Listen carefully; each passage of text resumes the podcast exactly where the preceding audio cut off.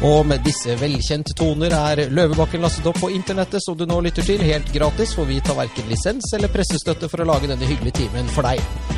I dag har vi fått besøk av en norsk eh, politiker, altså Norges eh, politikksvar på Arnold Schwarzenegger. En muskelbunt på 68 år med kroppen til en 40-åring, ung til sinns, glad i rock og rap, som selv spiller i band, og som elsker Groruddalen.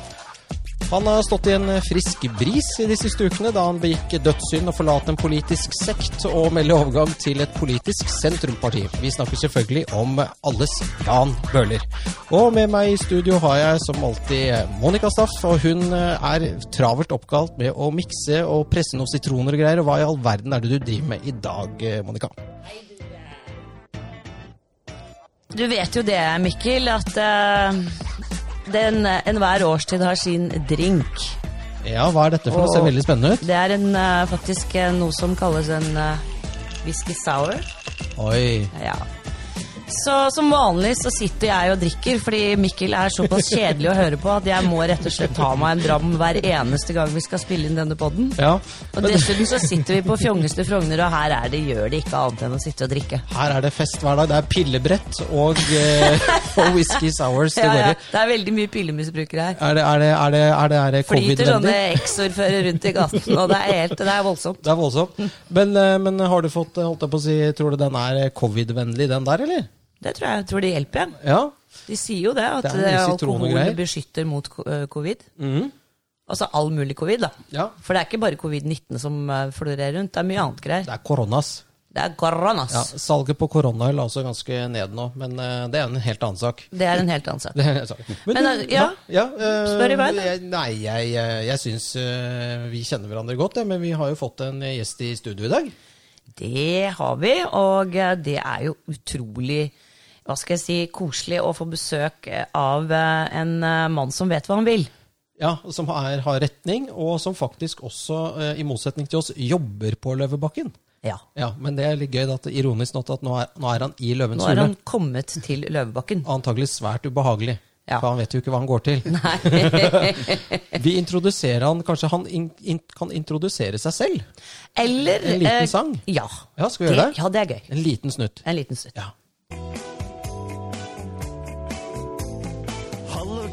Tjallabais, her kan jeg gå med samme sveis. En nydelig tulipan, tretten i klassen min het Jan. Jeg sluker krim på TV og elsker alskens sport. Og må ikke ha en sånn personlig trener for å trene, nei. Jeg er bare en enkel type. En enkel type. ja. Er du en enkel type, Jan Bøhler? Ja, jeg er det. Så det er, eh, jeg liker å ikke gjøre ting for vanskelig. Så det gjelder både politikk og livet ellers. Jeg prøver å legge problemene ganske raskt bak meg. Så eh, jeg har eh, lært meg en enkel livsstil, også når det gjelder hva jeg eh, bruker tid på. Altså jeg har aldri brukt tid på å ha, bo i Jeg vil bo i blokk hvor det er enkelt og greit å bo, og ikke masse jeg må, jeg må streve med når det gjelder å vedlikeholde og andre ting. Det er, jeg liker å ha det enkelt eh, og um, kle meg enkelt. Slipper å Ja. styre her i Groruddalen, så kan jeg gå som jeg vil, stort sett kledd. Og, Har du hytte? Hæ? Har du hytte? Nei, jeg har ikke det nå. Vi hadde det. Jeg hadde hytte fra barndommen, men, um, men uh, det er det også noe med det å gjøre det litt enkelt. Det blei for mange ting å passe på og følge opp og sånn, så vi valgte andre former for ferie, da. Enn, enn å Jeg kan bare si at Jan er Jeg vet akkurat hva Jan snakker om, for jeg har da eh, Jeg har jo ikke et enkelt liv, men eh, jeg skulle drømme, om at jeg kunne hatt det.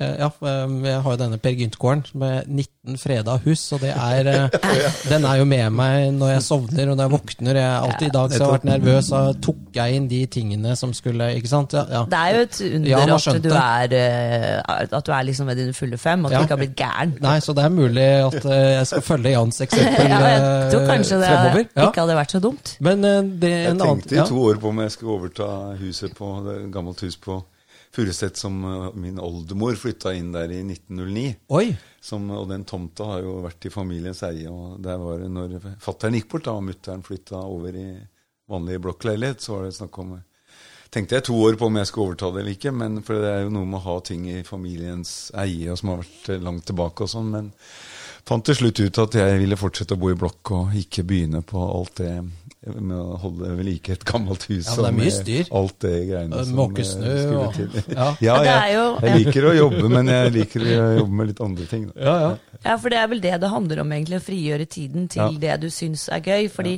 jeg vet jo at mange bruker hagearbeid og snekring og sånn som terapi. Ja, ja. Så de koser Ja, seg med ja, det. Ja, det skjønner jeg jo. Og da er det liksom noe, noe helt annet. Ja. Det er det, det, jeg skjønner det. Men jeg har så mye annet som jeg heller vil drive med. Da. Så.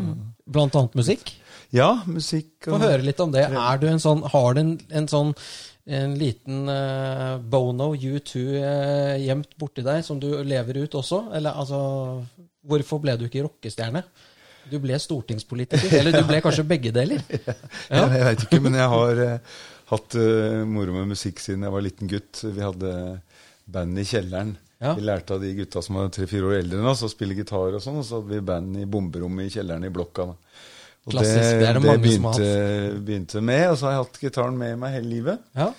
Og, et, og jeg lagde rockeverst og sånn på den fritidsklubben jeg var leder for på 80-tallet. Da. Mhm. Så jeg, da begynte jeg mer sånn å jobbe med unge, ungdom og musikk. Da. Mm.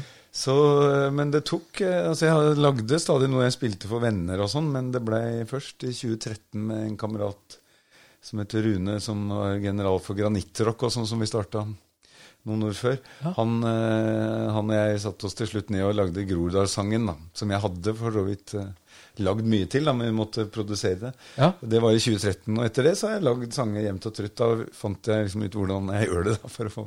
Og så syns jeg Altså, jeg har det først og fremst moro. Jeg har gode venner. Jeg har et, eh, to, band jeg, to forskjellige band jeg spiller med. Og øver jevnlig, da. Og jeg har det, det er en fin måte å komme ut av tralten på. jeg liker å bruke noen andre evner og være litt kreativ, men uh, prøve at det først og fremst skal være gøy å by på meg sjøl og sånn. Det, det, det gjør at jeg er mer avslappa, tror jeg. Ja. Og har glede av det. Tror du at du via musikk kommuniserer også bedre med elektoratet, eller velgerne, eller de som du er måte, valgt til å representere? Ja, det er jo, altså jeg har jo vært rundt og spilt eh, også sånn av en enkel type turné i Groruddalen og sånn, på sånne på kafeer og litt sånne brune steder der og hyggelige steder, da. Og også andre har jo spilt på større steder òg, men, eh, men eh, det var jo en veldig fin måte og de, de likte at jeg sa et par ord mellom hver sang òg, sånn at det var mer sånn innhold og sammenheng. Så jeg forteller jo mer sånn sånn spontant om meg sjøl i en sånn sang som dere spilte litt av her, enkel type, eller, eller i Sommerbilder var den du har? Ja, den hadde jeg i sommer. Ja. eh, Sommerbildene våre. Altså, den var litt mer romantisk og en Ja. annen eh, mer balladeaktig, eller jazzballade, kanskje. Den, den var en eh, Velger jo form til ulike temaer, da, men jeg syns det er viktig nå når det går mot mørke tider og er liksom kaldt og litt Vi kanskje går og gruer oss litt, litt fordi det er så lenge til sommeren. Å ha noen gode bilder i oss da, fra opplevelser på, på sommeren, det syns jeg. Så derfor er den sommerbildene våre den går og jevnt og trutt på YouTube. Og Den gjør det. Ja. Så jeg, Vi kan kanskje liker spille den etterpå. Ja, vi kan spille den etterpå. Det er gøy, for den har ikke jeg hørt. Nei, jeg skal finne det. Men nå er vi jo sånn, nå snakket jeg om årstidsdrinker her i starten, da. Ja, ja, ja. Men det vi, selv om vi kanskje er sommeren vi setter aller høyest, så er det jo slik at vi eh, eh, har mange årstider, og vi har mange årstids... Jeg kan si, Så begynner jakta for den, den som driver med det, og det er jo hellig. ikke sant? Elgjakta og alt dette her. Og så blir det liksom nærmer seg jul, og så er det fårikål, og så begynner vi på lutefisken. og så Vi har jo mange herlige årstidstradisjoner i Norge som gjør at vi egentlig har mye å glede oss til året rundt, syns jeg. da. Alle årstider, hver sin sjarm. Det er deilig med fire årstidene, ikke bare én lang sommer hele året. Ja, da tror jeg jeg det blir gæren sant. hvis jeg hadde Ja, bodd på det Bahamas. sant, ja. Da hadde det blitt kokos, ikke sant. Klin kokos. Men uh, Jan, fortell litt om ikke sant? Du, du er uh, da bor i Groruddalen, og jeg tenker at eh, Er du født og oppvokst der, eller har du flyttet dit til senere tid? Du som Nei, nevnte at jeg- oldemoren din var fra Furuset, så jeg regner med at du er skikkelig innfødt? Skikkelig Ja, altså, vi, vi mm, bodde jo Inntil jeg var to år, så bodde vi i indre by øst igjen. Altså, for mutter'n er fra Furuset, da. Og så fatter'n var fra det Sagene Voldsløkka-området.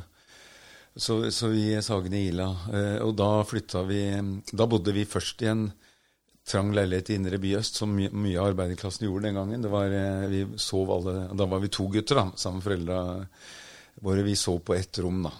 Og det var en leilighet fatter'n hadde som rørlegger i et firma. Han leide av firma. Det er litt rart man klarer å lage flere barn om å sove alle på ett rom.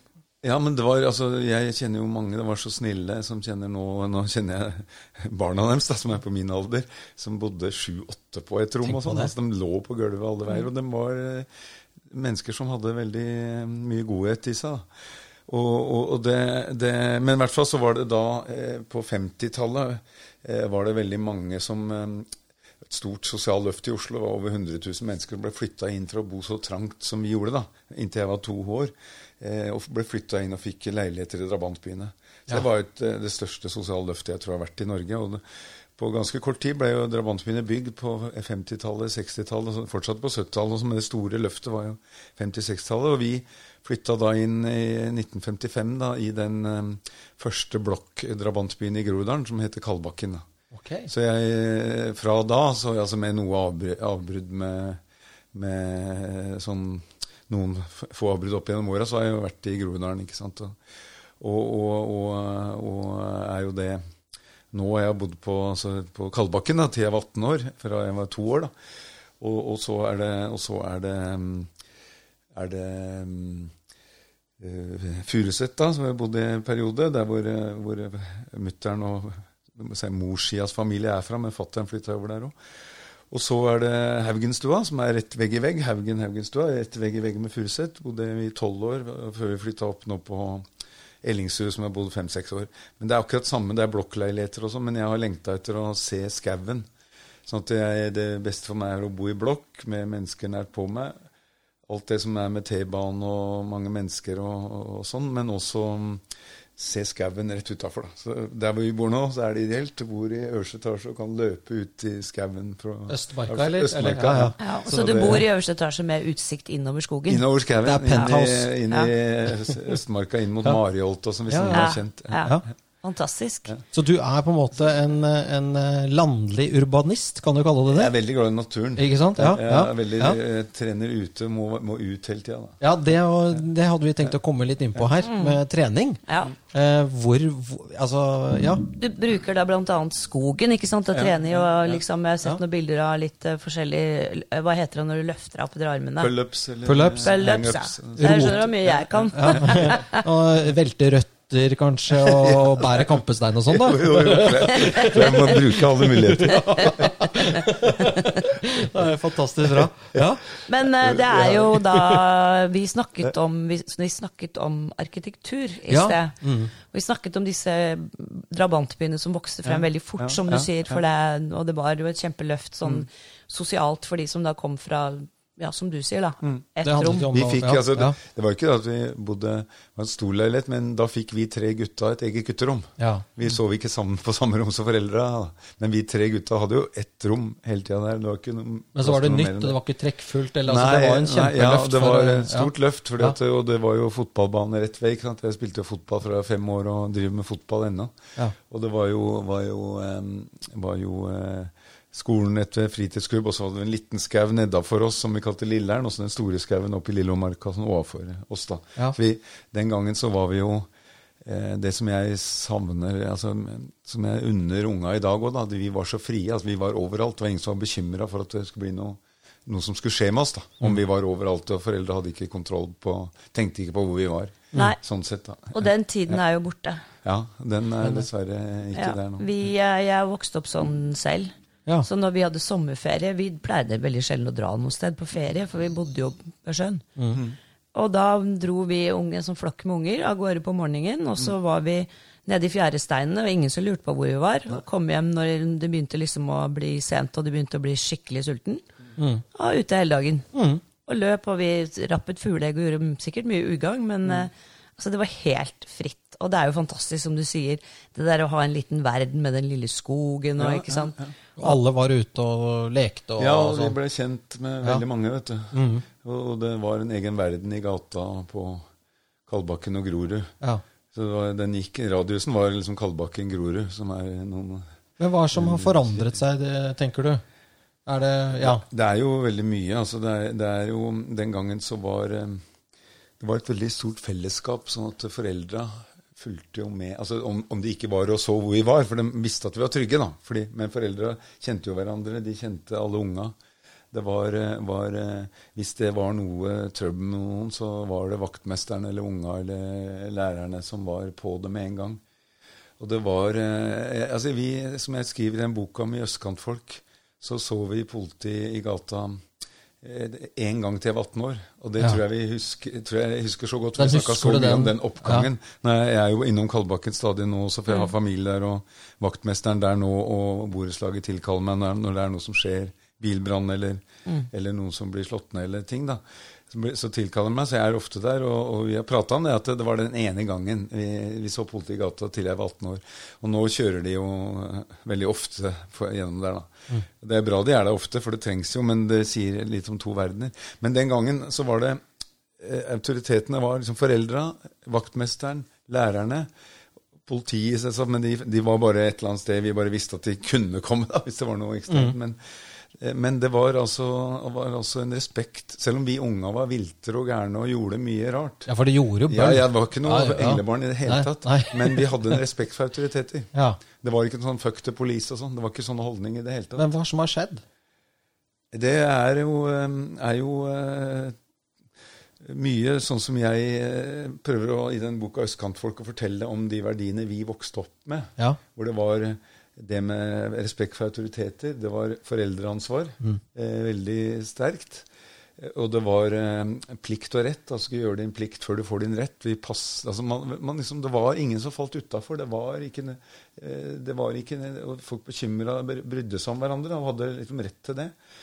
Og, og, og alle som kom, flytta opp på Kalbakken da, for i den drabantbyen, de hadde med seg de verdiene. For det var, liksom, det var sånn det var. Overalt i, Norge, sikkert. Og, ja, ja, ja. og så etter hvert så kom det jo til disse drabantene kom det folk fra eh, til og med nordlendinger. Det, ja, det ville man jo ikke ha. Var det, ikke det, det var jo sånn, raringer, men de jo, hadde, jo samme, hadde, jo samme, verdiene. Og vi ble fort kjent med dem. Og det jo, kom jo folk fra Innlandet ikke sant, som skulle jobbe på byggeplasser og skulle ha enkle leiligheter. Da. Og det, sånn at, men alle som kom da i den fasen der 50-, 60-tallet og, og, begynnelsen av 70-tallet, eller mesteparten av 70-tallet, hadde jo hadde mye av den samme bakgrunnen. da. Samme, de hadde, hadde de samme verdi, fått samme verdier inn i morsmjølka. Så kan du si det blir, blir eh, hvis, da, hvis, det da kommer mange med bakgrunn fra andre land hvor, eh, altså bakgrunn fra andre land opprinnelig, da, selv om de etter hvert er født her og sånn, men det er f.eks. De, de med god grunn ser på politiet som en fiende. Ja, for de har vokst opp i et land de, de har flykta, trøbbel, eller har kommet fra et land der det er ja. diktatur. da, eller ja. er, Så de ser på politiet som en fiende. Og for eksempel, det er tradisjon for at det, det, er, det, er, moren som tar seg av barna, mens faren er et annet sted. Og jobber. Ikke, ja. jobber eller, eh, og, og, eller har, her da kanskje har tre jobber og ikke har tid pga. økonomi òg, men ikke, har, mm. ikke, er, ikke, tar seg av ungene. I liten grad at det overlates til, barn, til moren, og hvis moren der er dårlig i norsk. Og så kan det ha så, så verdisyn. Eh, verdis, altså, ja, men, vi, har, eh, Skandinavia er jo utpreget eh, det vi kan kalle en type feminin verdisyn. Altså at vi snakker sammen, vi løser problemer med dialog, vi er myke mot hverandre. Det er lave fengselsstraffer osv. Og så har du kulturer som er litt mer macho, da, eller maskulin verdisyn. Da, der er litt mer sånn konfronterende, litt mer viltert. da.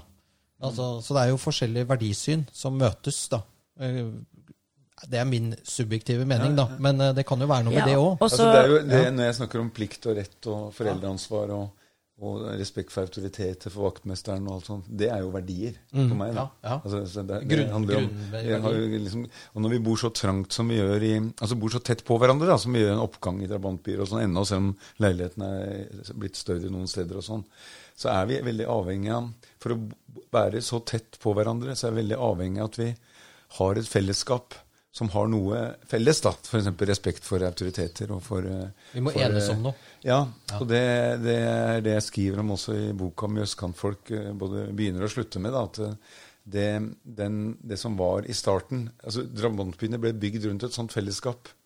Mens vi ikke har greid å holde fast, holde fast på det. Ja. Og da blir det mer trøbbel med at man, man ikke får det til å, nærmiljøet til å fungere like ja. godt. da.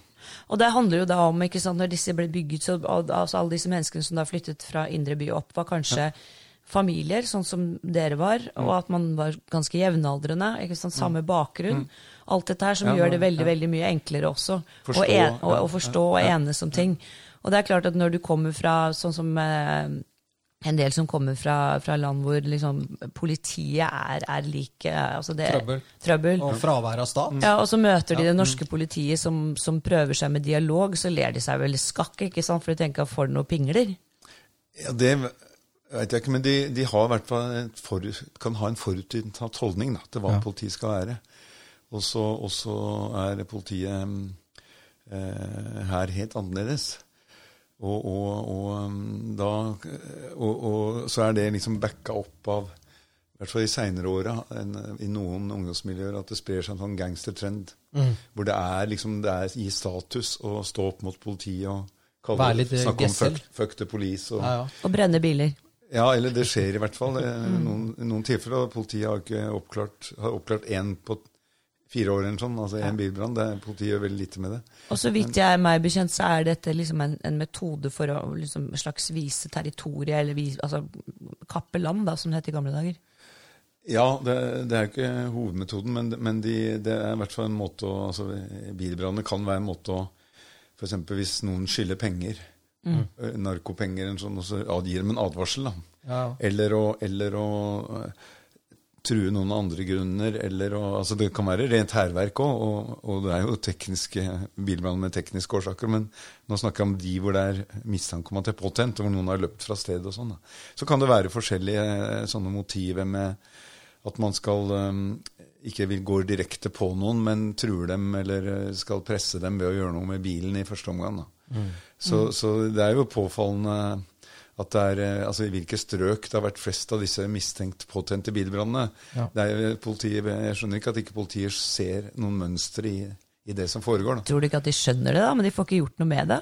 Jeg, jeg håper at de fleste av de skjønner det. Det må de men, gjøre. eh, Men de eh, Eller har man sånn litt sånn angst for å ta på det? Jeg vet om en som er eh, oppklart, da, siden jeg begynte å følge med på det sånn dag for dag siden 2017. Mm. Og det er eh, Berøringsangst, er ikke det litt det også, kanskje? Eller? Altså, Jeg tror ikke politiet har det, men det er mange på sånn, utover på venstresida i norsk politikk som har det. Ja. Men du er jo folkevalgt, og du har jo gjort noe Altså, du har tatt en del initiativ til Mm. å prøve å få ting til å bli For å lage litt lim igjen. Ja. Og blant annet Ja. da et initiativ og et tiltak som kalles for Grorudtinget. Nettopp. Ja, ja. Ja. Og det, det er vi veldig nysgjerrige på å høre mer om. ja. Ja, Det er viktig. Ja. Ja. Ja, Grodalstinget, det er em, en arena som vi savna da, hvor eh, jeg, jeg snakka jo med mange eh, rundt omkring i Groruddalen som hadde behov for å ha et sted hvor man kan ta opp ting, og ikke måtte liksom hele tida eh, være så veldig forsiktig med hva man snakker om. For det er, det er et sånn nesten sånn derre sånn der, press fra alle som med en gang man tar opp noe om eh, reelle problemer, så begynner de å snakke om svartmaling og stigmatisering, og det har man ikke lov til. Og det var det man gjorde, det blir jeg utsatt for i disse dager òg. Og, og, og det var det de gjorde i Sverige i flere tiår.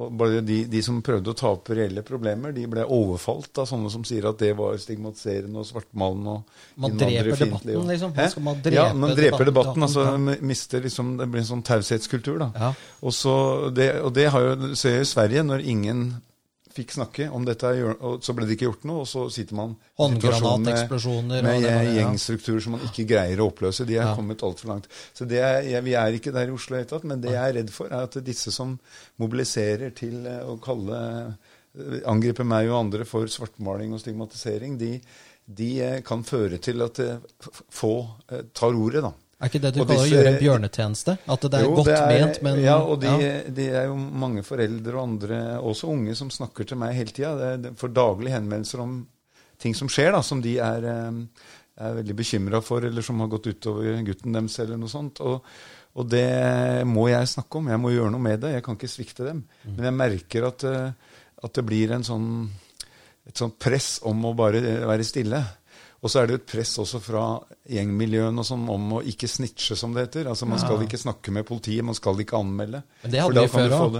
Sladrehank skal selv ha bank, var det ikke litt sånn da? Nå, nå tror jeg du er i en annen verden. Altså, Ja, jeg vet det, det var tuller. det- de- Det var epleslang, det. Det var det, det, de ja. kan, eh, det de kan eh, gjøre med deg når de, hvis du snitcher og det fører til at de blir, blir etterforska av politiet og sånn, det er nok litt er alvorlige alvorlig. ting du tenker på det der. Altså det vet disse. Så, og de går, bor jo i det nærmiljøet hver dag, og de vet de blir ikke beskytta av politiet hver dag eller Ja. hver time. ikke sant? Og det gjør at det dessverre det er ganske mye som går under radaren nå, som ikke blir blir anmeldt om, ikke får vite om. Er det Ikke litt sånn skre skrekkvelde? Ikke skrekkvelde, men folk I noen områder så er det få som vitner, Mm. få som, eller ingen som vitner mot uh, noen av disse i forhold til noen av disse hendelsene. Og det er eh, eh, dessverre ganske mye som ikke blir anmeldt, fordi at eh, man vil ikke utsette seg for det. Den belastninga det fører til eh, når disse som eh, har gjort det, da, får vite at de blir anmeldt. Og de går jo ute der. Det tar ofte to-tre år, eller noen, i noen tilfeller har det tatt åtte år og sånn før de sakene kommer for retten. Så da går jo disse her i de åtte åra, eller i de to-tre åra, og du treffer dem hver dag. Og da må, jo- det er lett for folk Det er forstå at uh, man ikke At det er ingen som tør å vitne mot dem. Nei, nei, eller anmelder. Altså, det er for mye sånn noen steder. Ja. For disse er jo berykta i noen nærmiljøer.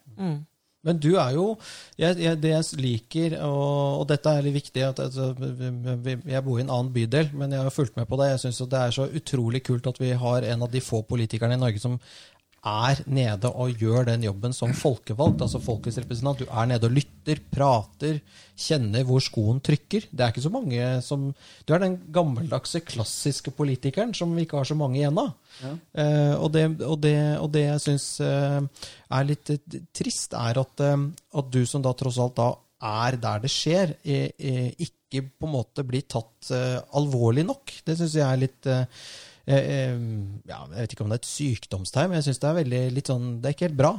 Ja. Eh, Nei, jeg vet ikke. Jeg, jeg har jo, har jo um, sett at det ofte har vært sånne kommentarer i sosiale medier sånn at eh, når jeg var i Arbeiderpartiet og tok opp disse tingene, at det var sånn kommentar dette er det bare Jan Bøhler som mener. og, og, og så det jo, Han har god, godt engasjement, og det er bra og sånn, men at det ble kanskje med det. Men nå var jo noe som for så vidt eh, Stortinget etter hvert eh, begynte å forstå. da, Og også regjeringen. Men, men eh, nå så, så opplever jeg jo at jeg har fått altså når, med, med, når jeg nå er i Senterpartiet, jeg har følt at jeg får altså Trygve som er leder, han snakker med meg hele tida, og vi er Dette- nære dette er en fin bro, for en det annen, jo- annen type backing. Da. Så nå føler jeg at det er ikke sånn at jeg er på Man sier skjedde? at dette er det bare Jan som sier. Nå føler jeg at jeg har veldig backing og interesse. ja. For det er jo dette som alle lurer på. Hvordan, hvordan var den første daten mellom deg og Trygve? Ja. Nei, det var altså Vi har jo eh, hatt det gøy sammen og vært gode venner siden vi kom på Stortinget samtidig høsten 2005, etter valget. da. Vi har jo kjent hverandre Da kom vi i samme komité. Eh, og vi har jo eh, hatt Alltid når vi har snakka sammen på Stortinget, så har vi hatt eh, vi har vært eh, enige stort sett om alt, og vi har hatt eh, veldig mye gøy og tulla og kjent hverandre. Så vi har kjent hverandre i mange år, altså. Men eh, så var det jo litt Så sånne det skjedde. flørten har pågått i 15 år? Nei, det altså jeg har likt Jeg, jeg, jeg har likt, uh, likt mange Senterpartifolk, altså for dem er jordnære. og dem, dem, Mange av dem kommer fra et sted. Du kan se tydelig at de på en, altså De kommer fra andre steder enn meg, men du kan se at de har sitt særpreg og har sin eh, liksom, jordnærhet. da. Om det er Per Olav Lundteigen eller andre. så De liksom kommer fra et sted og er ekte. da. Jeg syns det er eh, det partiet som har hatt flest sånne. Så jeg har likt mange av dem. Og derfor for at jeg har gått med dem på Stortinget og samarbeida med dem, også i justiskomiteen, som jeg har sittet i. Men, men, men ja, så, så det, det, er ikke, altså det er ikke sånn at jeg, jeg bare nå har plutselig oppdaga Senterpartiet. Jeg har hatt et forhold Jeg har fått forhold til dem helt siden jeg, i, I klassen min på ungdomsskolen så gikk sønnen til Per Borten. Ja. Han, da han var statsminister, Lars Borten. Ja. Han gikk, i, han gikk i klassen min på ungdomsskolen. Ja. Og så skulle Lars og Lars, og han Lars var også en sånn folkelig likende gutt. ikke sant? Og vi lek, hadde det gøy sammen, og så skulle jeg være med han hjem. Og da var jo faren hans statsminister, det tenkte ikke jeg så mye på. Så dro vi hjem der og var i hagen hans. Og, og, og kom inn der, og da sto jo han eh, Borte-Per, som vi kalte den, altså Per Borten, han sto jo i en sånn hengende hvit liten truse i Da hagen også? der. Ja, når jeg kom inn der. Ja, men han gikk jo med det hele var tiden. første, det var, og, og, og, og, ma- og mage og, hatt, da. Så det var, jo, det var jo første møtet mitt med Senterpartiet, da. Så jeg har egentlig synes, hatt sans for den uformelle stilen helt siden det.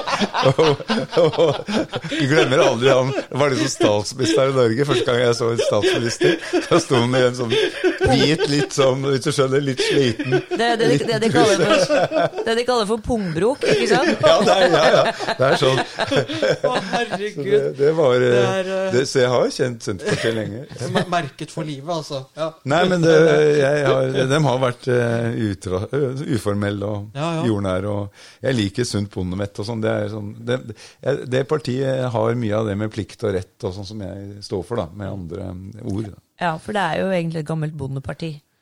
Ja, og det er jo det å ta vare på det du har, og Mm. overlate det i bedre stand enn en det du tok det over i. Mm. En liten sånn eh, Jeg er jo medlem av Senterpartiet i Nord-Fron, da. Er du der det? Jeg, der jeg, er, oh, ja. eh, der jeg har en gård. Ja. Ja, ja. Så Ja. velkommen i klubben. Takk. Ja, ja, Nei, nei, men, så, men, men det er jo Ja, for du har også skiftet parti. Yes. Jeg var, jeg var jo i Venstre. Du var i Venstre. Så jeg satt i kommunestyret og fylkestinget i, i to perioder Ja. for Venstre. Og jeg vet jo at Jan tidligere har vært enda lenger ut på venstresiden Ja. enn Arbeiderpartiet, AKP ML. ikke sant? Nei, ikke, jeg Ikke var det? aldri i det partiet, men jeg var i eh, Det kaltes, det kaltes eh, Først så var det noe som het SUF, som var utbytter fra det gamle SF, og så var det Rød valgallianse, het det. Som Ja, det- Men altså, det var litt breiere. Ja. Men, men altså, jeg var en ung aktivist som var mot Vietnamkrigen, mot eh, EEC het det den gangen. Mot EU, Så det liksom. var liksom litt og sånn- jeg var aktivist, og så ble jeg med blant dem som var mest aktive. Jeg var ikke så, altså Det var noe litt annet enn 35 års medlemskap i Ap. da. Det var Ja.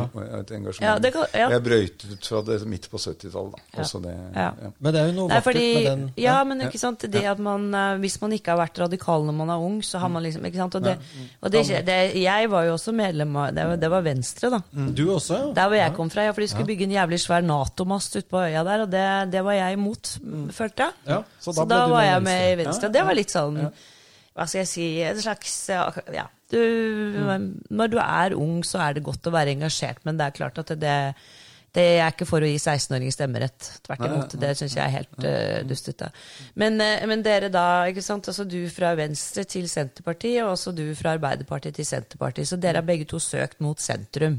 Ja, og, og, det, og det er den derre jeg tenker det er jo litt sånn, Man blir jo kalt for sviker og ja, du vinglepetter og alt mulig rart. Men jeg tenker at det verste som fins, er jo mennesker som er fanatiske, og som ikke forandrer seg bare for at de skal være venstre eh, Jeg valgte venstre der, og da skal det være det resten av livet. Eh, Det venstre jeg meldte meg inn i, var jo Lars Bonheim sitt venstre. Mannen som gikk fra Ulsteinsvik til Stortinget.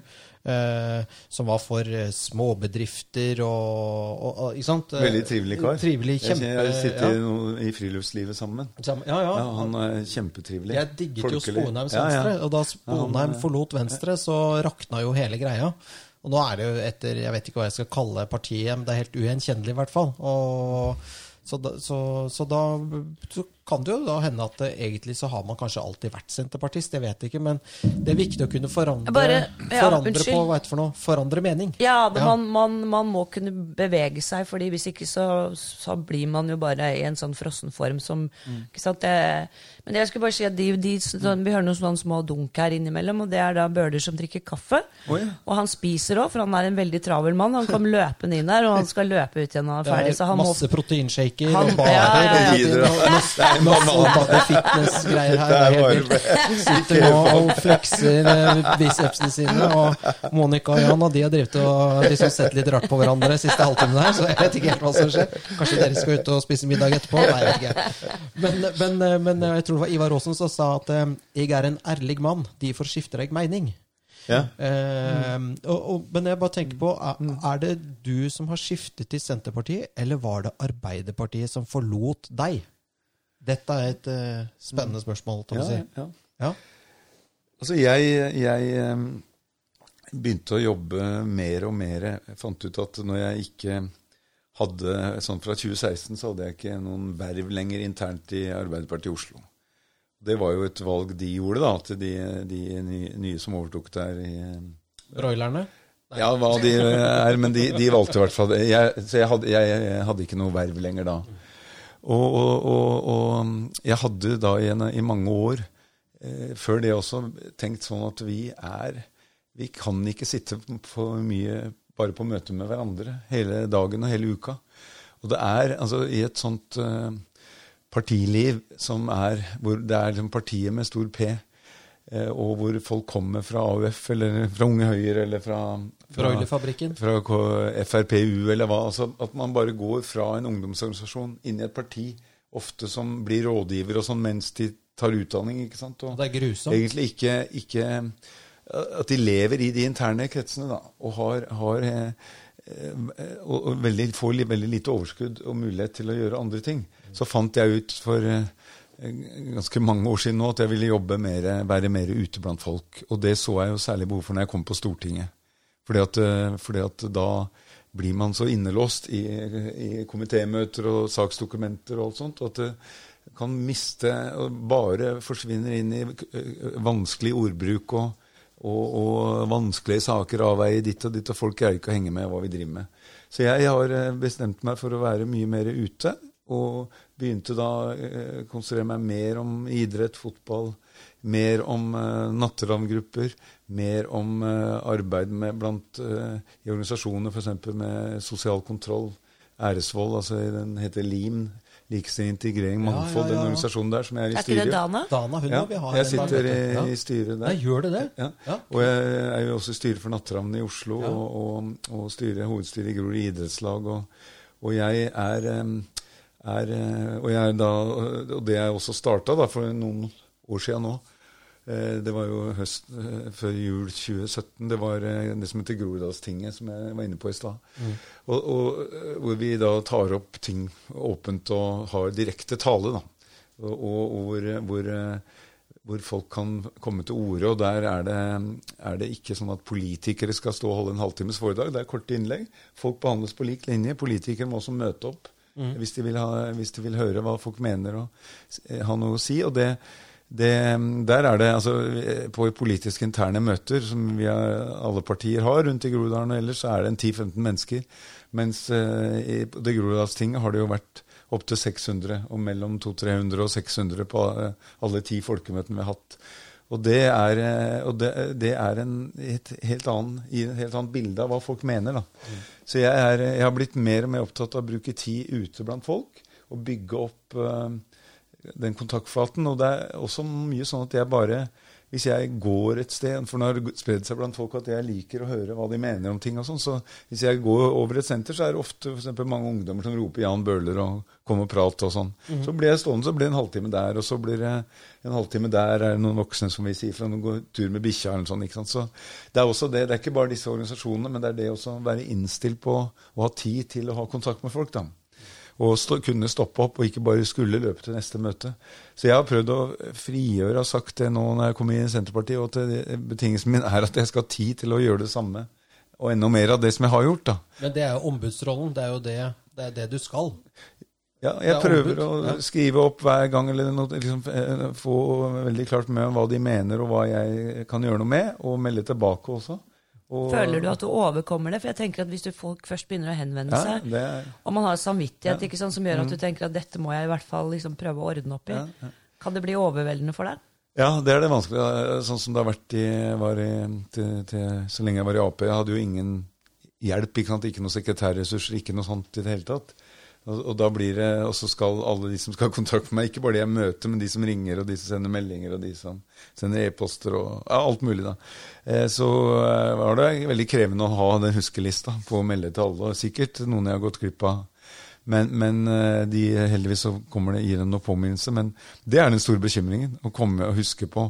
Og så er det jo noen ganger at folk kan ta opp med meg liksom en, en sak som det fotgjengerfeltet eller den, hvis du skjønner, som jeg ikke kan gjøre noe med. da. Mm. Det er ikke noen sak på Stortinget, og det er ikke en, men de har lyst på å fortelle meg om det, og jeg har lyst på å høre om det. Så det, jeg må noen ganger si at det ikke går. og det er ikke, Jeg kan ikke få gjort noe om det, men jeg skal høre om jeg kan prate med noen. og litt sånn, ikke sant? Mm. Så det er, jeg, det er sant det at jeg har eh, noen ganger følelsen at det blir eh, veldig mye jeg skal huske på da, og melde tilbake til. Da. Men jeg tror folk eh, eh, Jeg opplever da at de setter pris på at jeg tar dem på alvor. Og når jeg møter dem neste gang, husker den saken, og, og om jeg har fått gjort noe med den til da eller ikke, så, er det, så skjønner de at jeg mener det. da. Ja. Og da har altså Senterpartiet stilt litt mer ressurser til rådighet for deg, er det det du sier? Så du får litt hjelp til alt det der? Dem har, vært, dem har i hvert fall eh, liksom, De var det partiet når jeg sa at jeg mener politikere må ha mer tid til å være ute. For jeg ble jo kritisert av Oslo Ap, ikke sant, de sentrale kreftene. Ja, for for at jeg- at jeg- at jeg ikke, ikke Jeg ble kritisert av dem for at jeg ikke var interne møter jeg ikke var på. Det mente jeg skulle være på, selv om jeg ikke hadde verv der lenger. og sånt da. Så det var jo det De var skuffet, liksom.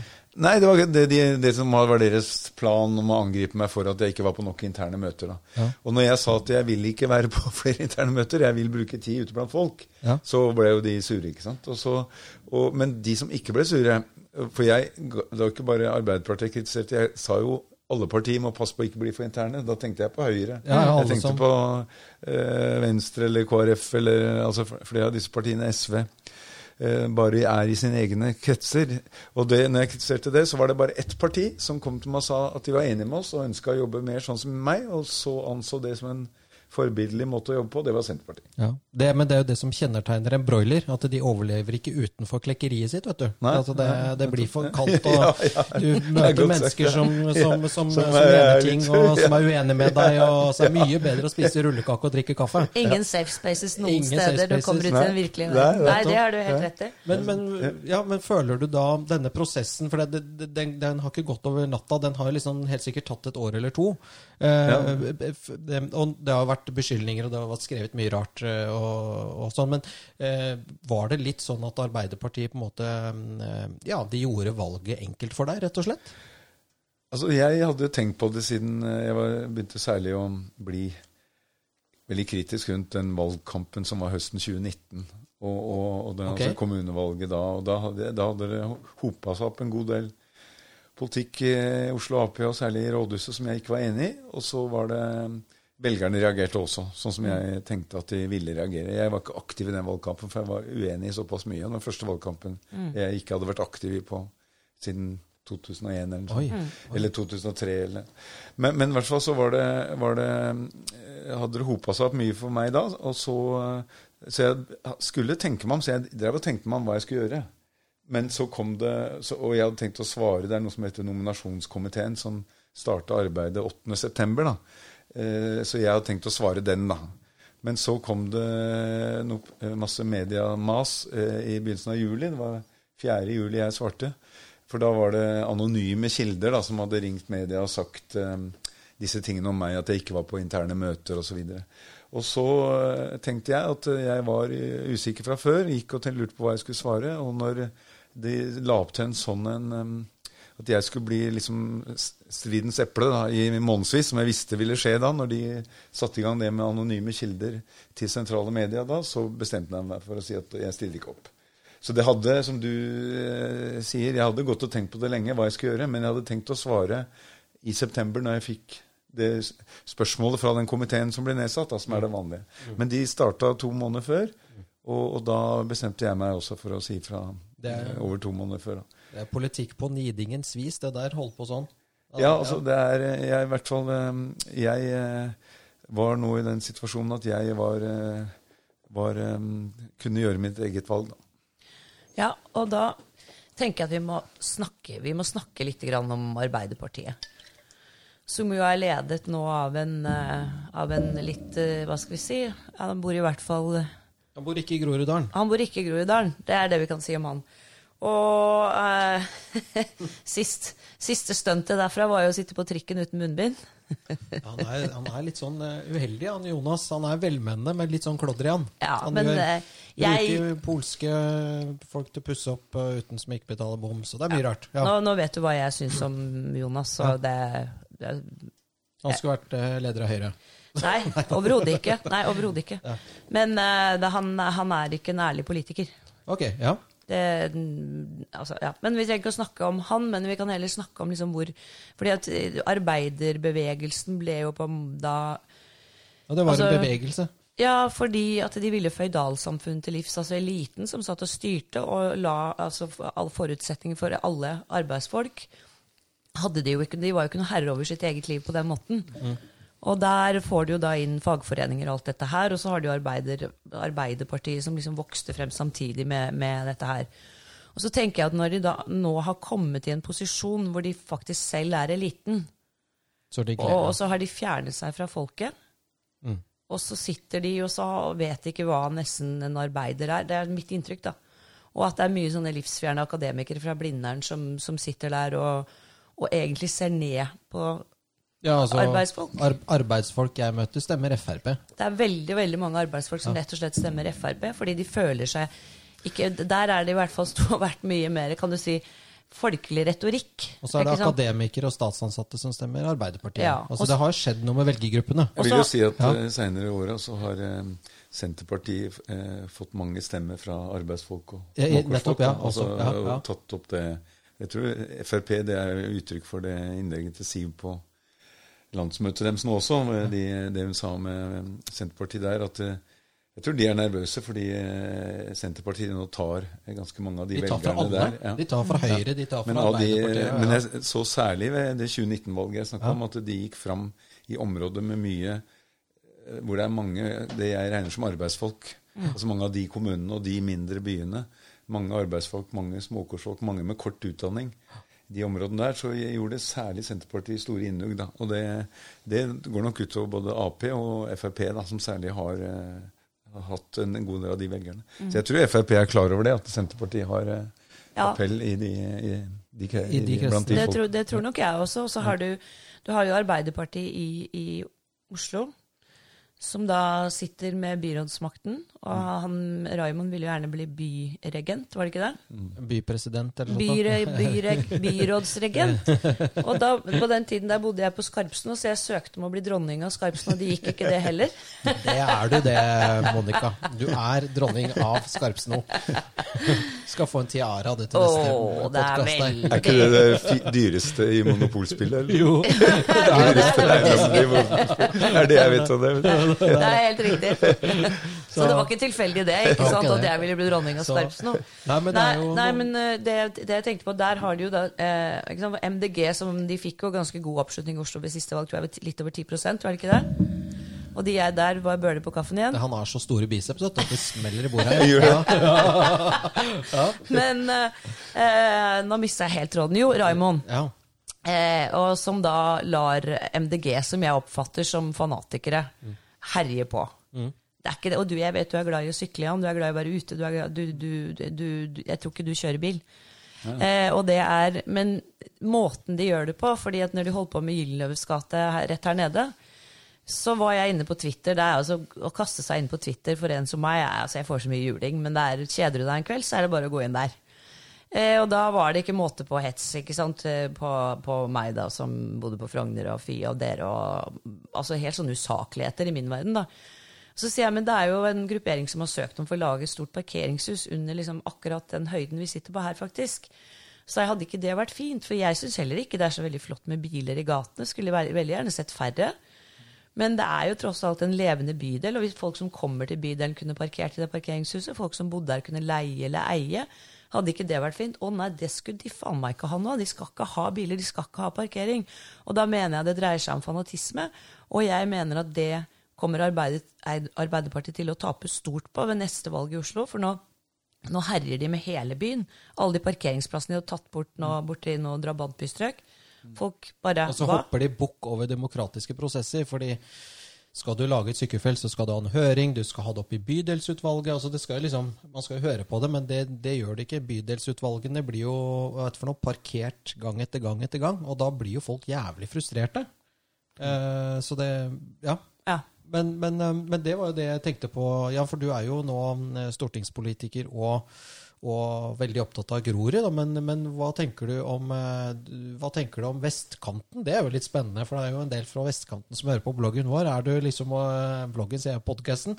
Har du noen ideer om, om hva, hva, hva som rører seg her?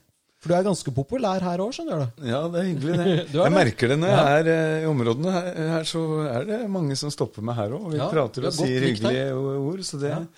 det er jeg veldig glad for. Jeg er jo også Kan jo røpe at jeg har eh, barnebarn oppe på Altså på, rett ved Hemmingbanen. Ja. Og, eh, Da kommer det langt en, vest. En, en, gutt som er veldig god i fotball, 13 år, og jeg elsker å være sammen med dem. Da er det jo perfekt å bo rett ved Hemmingbanen, da. Ja, og, og sånn at jeg er ofte oppover i, på vestkanten, og også jeg er i en roklubb på Bygdøy. ja. Som jeg er ute på. Nå har det vært korona og sånne ting nå i sommer gjorde at det stoppa opp. Men jeg elsker jo å ro på fjorden, så der jeg kan hente en skøller og sånn. Så jeg er egentlig ganske mye i hele byen, da. Du bruker hele byen, ja, men hjertet det- ditt ligger i Grorud. Ja, altså det er noe med hvor jeg, hvor jeg eh, er til daglig. Men, men, men eh, de, de Altså jeg føler at det er mye av de samme tinga, da. For her, her er det også eh, De som snakker til meg, er f.eks. bekymra for ran av barn og unge. Mm. Det har skjedd ganske mye på Majorstua, oppover på Røa, Smestad og sånt, som er lite hyggelig. Ja. Og som jeg har vært på folkemøte for eksempel på Røa om det. Hvor det var 500-600 mennesker og veldig engasjement. Og det er jo samme tinga jeg tar opp der som i Groruddalen. Ja. Eh, sånn at eh, jeg opplever at det er mye felles også, dette med frustrasjonen over en sånn Altså en, en firkanta måte å drive miljøpolitikk på. Den, den frustrasjonen er jo like sterk i Groruddalen som her. Over eh, at, over at eh, Også at eh, kan du si, Ap sitter i et byråd der SV MDG har flertall. Ja. Så det, altså de lar seg, har jo nå valgt å la seg kunne stemme ned i byråd da, Ja. av, av SVMDG. De har jo flest byråder etter, det, etter den katastrofen som det forrige siste valget var for For, for Oslo Ap. Ja, ja, ja. Så, så de har jo valgt det, og det betyr jo at de er, er i en veldig risiko for å bli identifisert med SV og MDG-politikk. Eh, hvor jeg, en god del jeg ikke er enig i, og jeg, jeg mener jo at eh, at eh, Senterpartiet har en mer pragmatisk holdning til disse miljøspørsmåla og sånn. Og det skal, må jeg konkretisere etter hvert. Men, men eh, jeg tror vi kan få en mer eh, sånn tilnærming til dette som folk er fornøyd med, da. Som er mer eh, mulig å forstå. Ja, og Som baserer seg som du sier, på en mer pragmatisk holdning til og ikke på følelser. Ja, fordi at ja. når det, ikke sant, følelser kommer inn i politikken, så, blir det, ikke sant, så er det veldig vanskelig å argumentere mot. fordi at det, det, det, det, da er du slem. Jeg er, jeg er jo glad i, eh, veldig glad i å sykle, ikke sant? men jeg har jo ikke noe behov for altså, sånn som folk eh, fleiper med oppe øverst i Groruddalen, hvor det plutselig er lagd 100-200 meter sykkelvei et sted hvor det overhodet ikke trengs. Altså, det er ikke biltrafikk der. Det er helt fint å sykle uten noen sykkelvei. Ja. Så bruker de kanskje jeg vet ikke, jeg hadde ikke noe tall på det, men kanskje noen millioner på å lage en sykkelvei der det overhodet ikke trengs. da. Ja, ja. Eh, Men det går inn i regnskapet, for da kan man telle det at man har bygd så og så mange kilometer sykkelvei i Oslo. Ja. Det blir liksom ikke sånn så- eh, kommunister som laget tunge skruer og sånn, ikke sant, for å bare fylle Bare for kvoten. Jeg, jeg følte Ja. nesten det er Ja. noen sånne sykkelprosjekter som har vært, det har vært så fine gangveier der fra før, og ikke noe problem. Vi har hatt, vi som har sykla og gått der, og så kommer det veldig svære prosjekter som, eh, eh, som ikke trengs. Altså er, jeg vet om andre steder hvor det er vanskelig å komme fram på sykkel, hvor det hadde vært eh, trengs å gjøre noe, men de er vel de eh, er ikke gjort så mye med. Sånn at jeg eh, Det er ikke blitt så mye enklere å bruke sykkel i Oslo, men, men, eh, men eh, det, er noen sånne steder vi ikke Vi klør oss i huet. Hvorfor skulle det være sykkelvei her hvor det nesten ikke har vært en bil, og hvor det har vært veldig greit å sykle hele tida? Ja. Og så handler det jo litt om geografi og så tar klima, og ikke på miljømåten, men det norske klimaet. For det store deler av året så er det jo nok ikke så mange som er ute og sykler, fordi Nei, ja. det rett og slett ikke er vær til det, og ikke føre til det. Mm. Jeg har jo studert i Danmark og bodde der i fire år, og der, det er jo et helt flatt land. Og det faller det sne, så er, da er det på en måte julaften, for da er de helt over seg. Men, eh, og der er det jo også, men der har de jo også en helt annen disiplin ikke sant, når de sykler, fordi at der stopper de faktisk på rødt lys. Det er jo egne små trafikklys på sykkelveiene og sånn. ikke sant? Så at du, det er forutsigbarhet i trafikken, for det er sånn som det er nå. Så er det uansett om du er til fots eller i bil eller altså, Jeg er livredd nesten hele tiden jeg, på sykler og sånne sparkesykler, som nå heldigvis ikke blir tatt inn snart fordi det blir sleipt og glatt ute. Det er, eh, det er jo liksom ingen altså, Når det ikke er noen trafikkregler som overholdes, og disse som suser rundt og aldri har lært seg liksom vikeplikt og alt dette her. Så jeg syns at det tar helt av. Ja, men uh, vi må jo gjøre noe. Altså, det er jo ikke Hvis du er i Amsterdam eller andre land som har sykkelkultur, så fungerer det jo veldig godt, da. Så mm. altså, det, det, er jo, det, er jo, positivt. Men, uh, men det er positivt, på, men du må ja. tenke at de landene har ikke sne, og de er helt flate. Det er veldig enkelt også. Mye sant. billigere å lage sykkelveier. Det er sant. Det, men, men, det er det, det med liksom å på en måte gi plass til alle. Da, fordi det er folk som må bruke bil. ikke sant? Og vi har, vi har verdens Som dere største... hører, Monica er veldig frustrert fordi hun er veldig glad i å kjøre bil. jeg sier at vi har verdens største andel, prosentdel av totale bilparken av elbiler. Mm. Og de fleste av det, veldig mange i Oslo, kommer du utenfor. Mm. Så ser du pickuper og litt sånne store amerikanske biler, sånn, for der er det plass, og der er det parkering. Så det er en helt annen Så bilhold og bil, bil, i Oslo er noe helt annet enn i resten av Norge. Det skal vi også huske på. Mm. For det, dette gjelder bare Oslo. Det gjelder vel litt det samme som Jan snakker om disse problemene oppe i Groruddalen med det gjenger og sånn. Det er foreløpig bare et problem i Oslo. Mm. Mm. Det er veldig lite av det. Altså, jeg vet at det fins noen steder, men uh, veldig lite. Men mm. Det vi nærmer oss uh, slutten her, og det jeg har lyst til å spørre deg om, Jan, det er fordi har, vi snakker ofte om dette problemet disse gjengene. Og så sier jeg at jeg tror ikke problemet er så stort. Jeg tror ikke de er så veldig mange, men de er veldig synlige fordi at de opptrer på en måte som gjør at de får den oppmerksomheten. Og de, ikke sant, altså bilbranner, veldig mye sånn som er, og som er veldig skremmende for mange. Men jeg tenker at de er, det er som du sier, vi ligger etter Sverige. Det er fortsatt mulig å gjøre noe med det, men da må, det, da må man være hardere i klypa. Ja, hva, ja. Tror du det kommer til å skje? Jeg eh, mener at i forhold til de eh, kriminelle gjengene altså som er, er eh, profesjonelle kriminelle, som er på heltid kriminelle, og som er, er ganske avanserte i metodene sine. Eh, og for de så gjør, er politiet på hæla og har ikke altså det skulle jo, De sa jo de skulle stoppe f.eks. etableringen av den globale MC-kriminelle gjengen Satudara, at det ikke skulle skje i Oslo-området. Men de har etablert seg nå nord i Groruddalen og ja. opererer stadig episoder nå knytta til dem opp mot Lørenskog. og I områder hvor de er, er strid om territorium eller personkonflikter. Og, og, de, og, de, altså, og de har egentlig altså De gjengene som vi har sett, er jo Eh, det har vokst opp et nytt miljø nå de siste ti åra ute i Oslo sør som kalles Youngbloods, som er et tungt gjengmiljø. Politiet sier fordi de har tatt én, at nå er dem, altså tatt gjenglederen da, etter at de lot han gå i åtte år for de fikk gjort noe. Men, men eh, eh endelig fått, han, eh, fått, en dom mot han da, for noe han gjorde i, i mai 2012. Men i hvert fall så, så er det, er det liksom nå eh, sånne mer tyngre gjengstrukturer det Satudara-miljøet du har på Lørenskog. De, de flytta ut av Oslo, men de, de, har egentlig holdt på siden 80-tallet, noe som heter Young Guns. Mm. Som er flere generasjoner, da, hvor det går i arv. Og, og de var involvert senest i en skyteepisode på, nå på søndag, som det sto om i media, på, i Høybråten-området. Eh, og, og, og, vi har, vi har eh, noen etableringer på Indre by, altså Tøyen-Kampen-området. Vi har av, mer sånn gjengstruktur.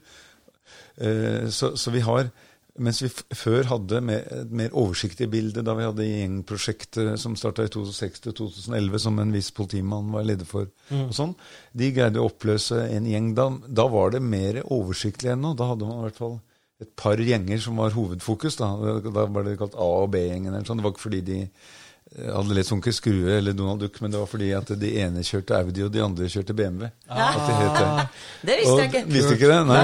Nei. Også, og, og de, men da var det mer oversiktlig, det var, og det var ofte sånn familierelatert, og man hadde persongalleriet ganske klart for seg i politiet. Også. Men nå er det, nå er det en fem, i hvert fall fem sånne mer gjengstrukturer, pluss ungdomskriminelle grupper, som om fem-ti år Og de ungdomskriminelle gruppene fins seks, sju, åtte steder i Oslo som om en, om en 50 eh, år kan være gjenger, de òg.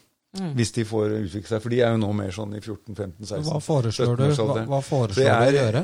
Nei, Jeg mener at vi trenger en mye mer øh, altså Vi trenger på den ene siden mye bedre forebygging, det kan ja. jeg snakke om etterpå. Eller, men vi trenger også en mye sterkere konstruert gjenginnsats. De, de, de politiet må være i stand til å følge de sentrale eh, personene i disse miljøene døgnet rundt. Og det er det ikke i nærheten av nå. Nå er det mer utrykking når det skytes, når noe er skjedd. Mm. Og, og, og, det er når alvorlige ting skjer. Ellers så de, eh, skjer det veldig mye under radaren. Og de, de la jo ned Altså de, de slo sammen under politireformen, så la de alt inn i en svær enhet, som istedenfor at man hadde noen som jobba bare med gjengene. Du hadde gjengprosjekt og så noe som het spesielle operasjonen som da var for seg sjøl, eh, og organisert kriminalitet som var en egen seksjon. Nå har de lagt alt det inn i en, noe de kaller alvorlig kriminalitet, hvor du har alt fra vold i nære relasjoner til eh, økokrim til miljøkriminalitet til dette her. da. Altså alle typer alvorlig kriminalitet. da. Og, og det gjør at uh, disse som tidligere var spesialister på det, nå blir brukt til mye mer forskjellig. Men de rykker ut når det er skutt et sted. eller sånn, så det jeg øh, vil at vi skal få, få, i gang, det er noen som følger dem døgnet rundt. For disse holder på døgnet rundt. De er heltidsprofesjonelle kriminelle år rundt døgnet rundt. Og de, øh, selv om de ikke skyter den dagen, for de er, de er, proffe, de er ikke egentlig interessert i å tiltrekke seg politiets oppmerksomhet. Nei, nei, Selv om de ikke skyter den dagen, så det gjør de bare når de må pga. noe med revir eller gjeld eller torpedovirksomhet. Sånn. Men de holder på hele tida, og vi, politiet må være etter dem hele tida. Og det er vi ikke i dag. Og så jeg ønsker en helt annen type gjenginnsats, og vi kommer, kommer tilbake med forslag og sånn på det. da. Så da blir det mer fart med Senterpartiet, da? Jeg tror at de forstår det. Forstår, de er veldig um, ivrige på å sette seg inn i det, det jeg forteller om, og jeg tror de forstår det. Og kommer også til å komme opp med, med mye bedre forslag til forebygging. Så jeg har, føler at jeg får veldig gjenklang og interesse og støtte. Og, og, så jeg gleder meg til det. Og, ja. ja, og som du sa her i sted, så er det jo det er jo et problem for hele byen, fordi man føler jo at dette kan eskalere. Ja, sprer seg. Ja, og jeg var i Trondheim på forrige mandag, en bokbad der. Det var for øvrig Trond Giske ja, som var bokbader. Ja, det må du fortelle litt om. Og da, da eh, fikk jeg, var jo besøkte politiet der og, og snakka med folk der. Og vi fikk høre om at de hadde besøk bl.a. fra gjengfolk fra Oslo. Som, som hadde kontakter og, og, Ja, etablere nettverk der, da. ikke ja. sant? Og, så blir, og det er, gjelder jo, det er jo kontakter nå, også pga. sosiale medier og sånn, så går det jo kontakter fra de gjeng, gjengene i Oslo til store deler av landet. Mm. Så der, Man må passe på å ikke tro at det er bare i Oslo. altså det er, De har nettverk i hele landet. Mm. Og, og, jeg tror jo sånn generelt i, i den befolkningen, fordi så er det nok mye bekymring rundt dette med, med kulturen vår og den eh, på en måte kanskje voldskulturen som en god del av disse menneskene som har kommet hit de senere 20-årene, representerer og kommer fra.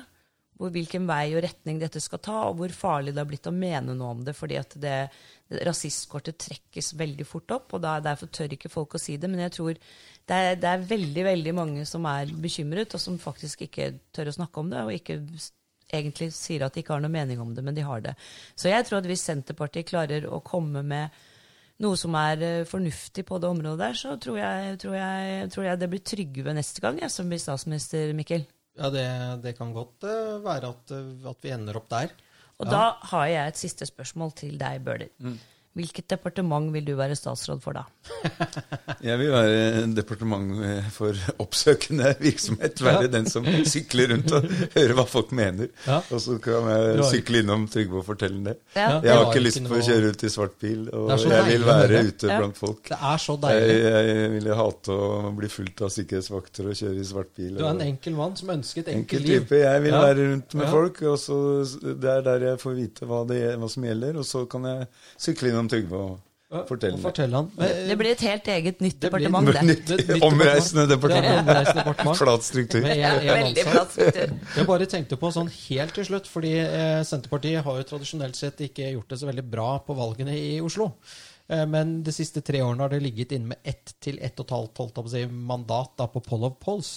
I bystyret, mener du? Eh, nei, nei, nei, nå også Stortinget. Eh, utjevningsmandat.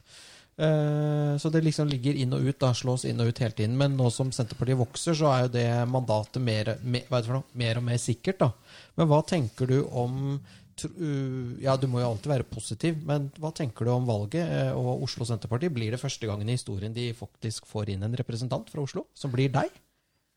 Altså, jeg eh, får nå veldig mye hyggelige hilsener på gata. Veldig mange som stopper meg og sier at jeg gjorde rett. Og sier at de er opptatt av at jeg representerer dem, at jeg kjenner dem, vet hva som gjelder.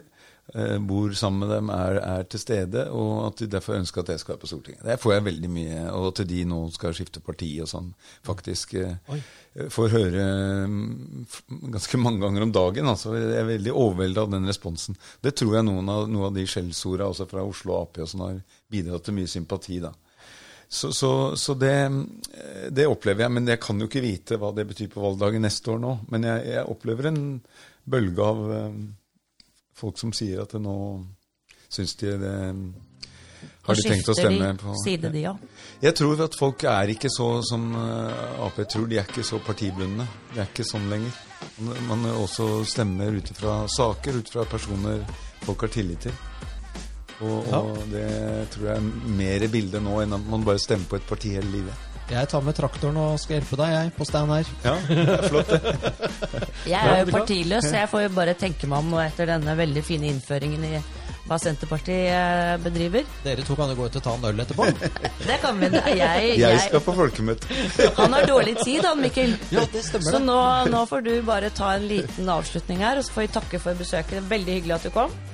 Det var koselig å være her. Ja, Fint tusen å takk. få en prat. Ja. Ja, nei, men eh, vi får vel også takke lytterne. Nå har vi hatt en koselig time med Jan Bøhler. Og eh, til neste uke så har vi ikke helt eh, funnet ut hva vi skal eh, snakke om, ja, men eh, det har du kanskje en idé om, Monica? Først må vi ta oss litt Viken og litt fri, vet du, Mikkel, så får vi tenke oss om. Ja, jeg tror det er noe sånn Folkeaksjon Frogner Gyldenløves gate eller sånt. Her blir nok noe sånt. Noe sånt noe. Kjempebra. Da får du eh, si dine velkjente ord. Sayonara. Sayonara.